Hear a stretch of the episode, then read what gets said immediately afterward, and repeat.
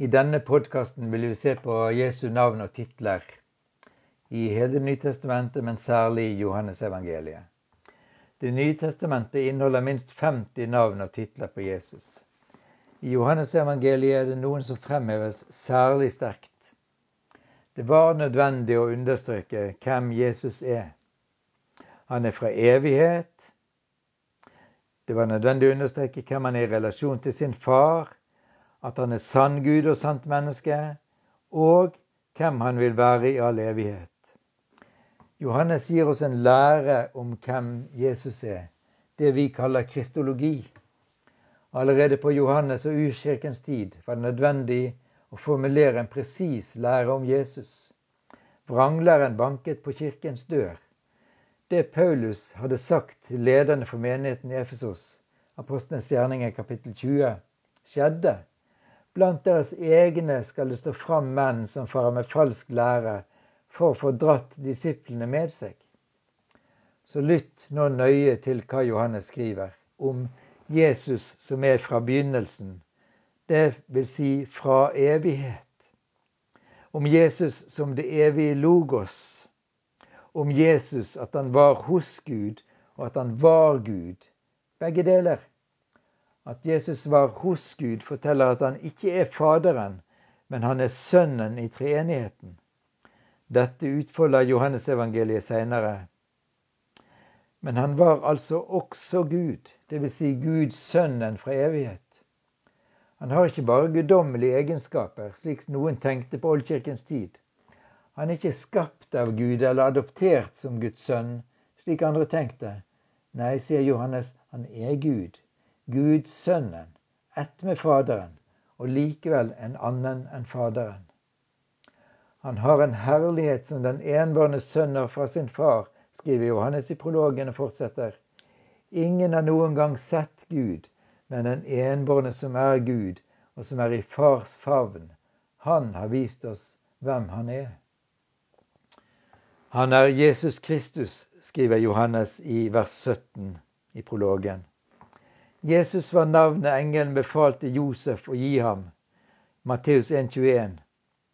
På hebraisk heter det Jeshua og betyr Javé, Herren frelser. Kristus, Kristus, er gresk for det hebraiske Mashiach, Messias, nemlig den salvede. I Det gamle testamentet ble kongen og øverstepresten salvet. Jesus er derfor både konge og øversteprest, slik hebreerbrevet forkynner.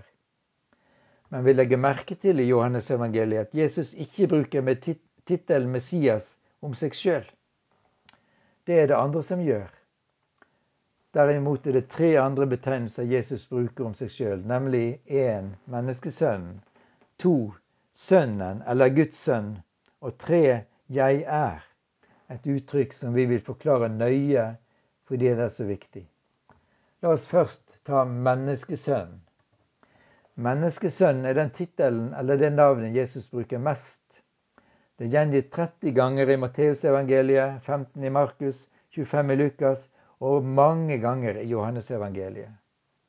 I Johannes 12, 34 leser vi Noen i mengden sa, Vi hørte i loven at Messias skal leve for alltid. Hvordan kan du da si at menneskesønnen skal bli løftet opp? Hvem er denne menneskesønnen? Ja, hvem er menneskesønnen? Hva sier Bibelen, jødedommen og Jesus? Stefanus gir et svar i samme stund som han dør. Apostelgjerningene 7,56. Jeg ser himmelen åpen og menneskesønnen står ved Guds høyre hånd. Jesus har vært menneskesønn på jorden, men han er også menneskesønnen på Guds trone i det himmelske. Den samme opplevelsen forteller Jesus om Johannes om i åpenbaringsboken. Jeg så en som var lik en menneskesønn. 1.13. Og jeg så en hvit sky, og på skyen satt en som var lik en menneskesønn. 14.14. 14. Sky i Bibelen representerer den allmektige Gud i hans allmakt og herlighet. Menneskesønn er på Guds trone. Hva står det om menneskesønnen i Det gamle testamentet? Og hva lærte jødedommen på Jesu tid? Hos profeten Esekiel står det om menneskesønnen omtrent 90 ganger, men det handler alltid om profeten sjøl. Det første hos profeten Daniel vi finner tittelen brukt om en himmelsk person. I 8.15 heter det mens jeg, Daniel, så synet og prøvde å forstå det, sto det foran meg en som lignet en menneskesønn. Dette mennesket forklarer at synet Daniel har, handler om endetiden. I Daniel 7 finner vi den beste beskrivelsen om menneskesønnen. Videre så jeg tronstoler ble satt fram, og en som var gammel av dag, tok sete. Og se, med himmelens skyer kom en som var lik en menneskesønn. Han gikk mot den som var gammel av dage, og ble ført fram for ham.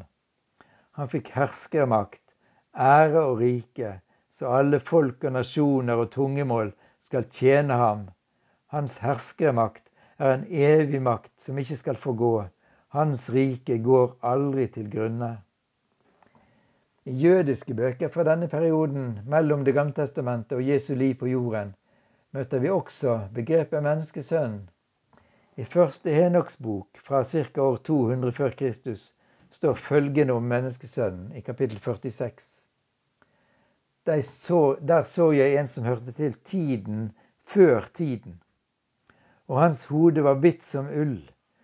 Hos ham var det en annen som hadde en skikkelse som et menneske, og hans ansikt var fullt av nåde, liksom en av de hellige engler. Og jeg spurte en av englene som var med meg, og som viste meg alle de skjulte tingene angående den ene som var født av mennesker. Hvem er denne? Og hvorfra er han som er så lik den som hørte til tiden før tiden? Og han svarte meg, dette er menneskesønnen som har rettferdigheten, og hos hvem rettferdigheten bor.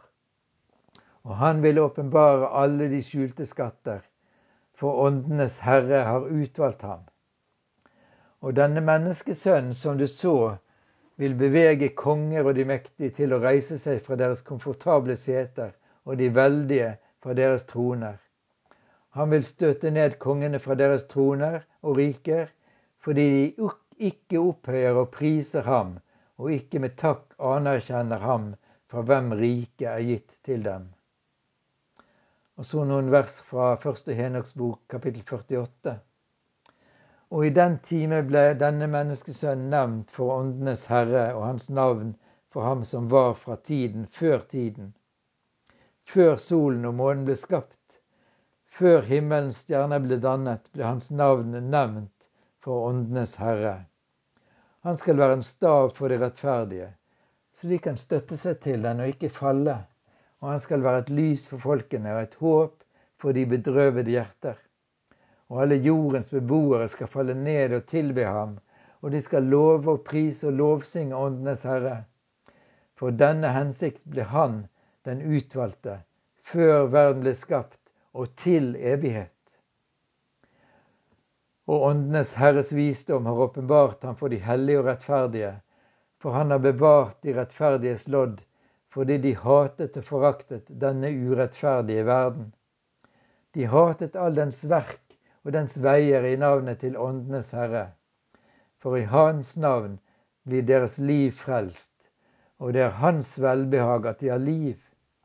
Og i disse dager vil jordens konge ha nedsløtte ansikter for de kan ikke frelse seg selv på deres nøds dag.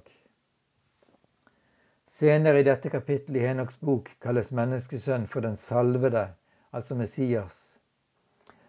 Her er menneskesønnen et profetisk ord om en seirende Messias som er til fra tiden før tiden, som vil holde dom over dem som ikke anerkjenner ham, og som vil frelse dem som tror på hans navn.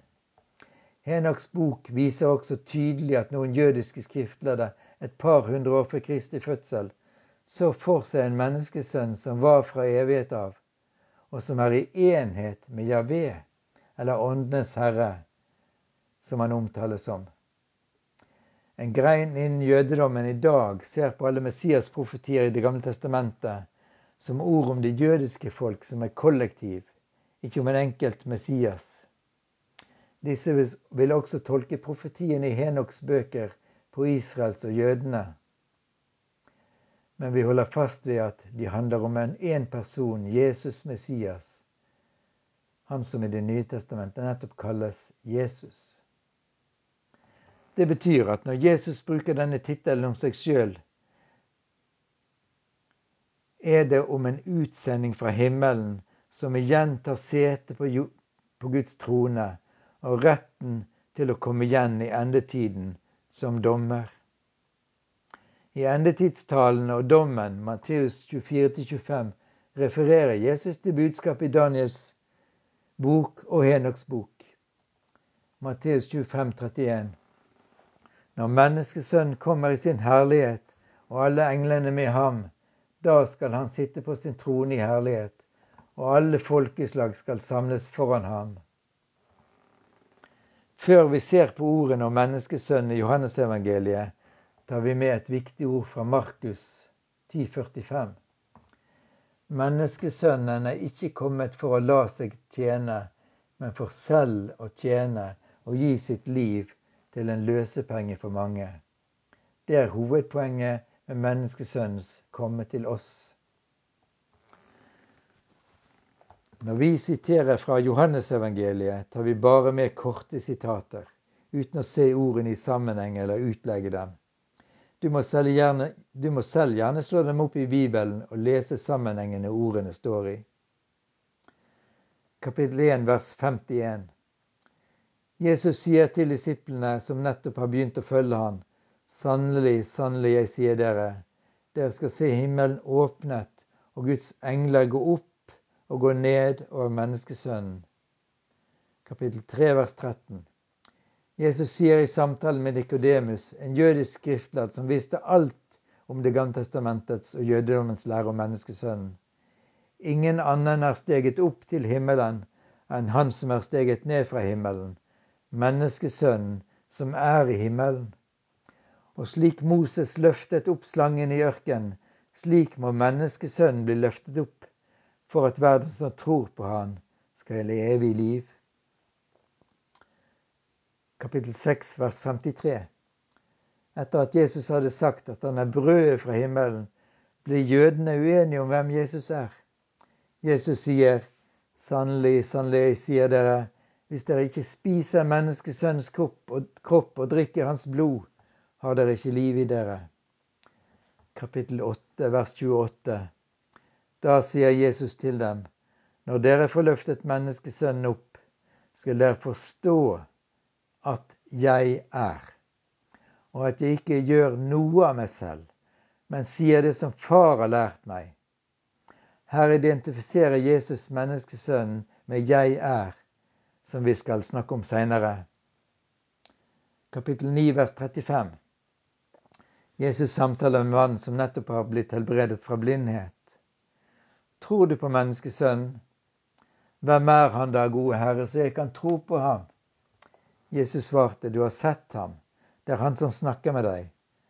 Jeg tror, Herre, sa mannen, og han tilba ham. Kapittel 12, vers 23.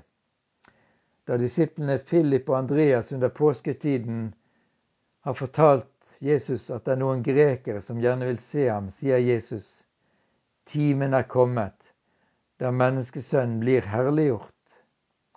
Hvis ikke hvetekornet faller i jorden og dør, blir det bare det ene kornet, men hvis det dør, bærer det rik frukt.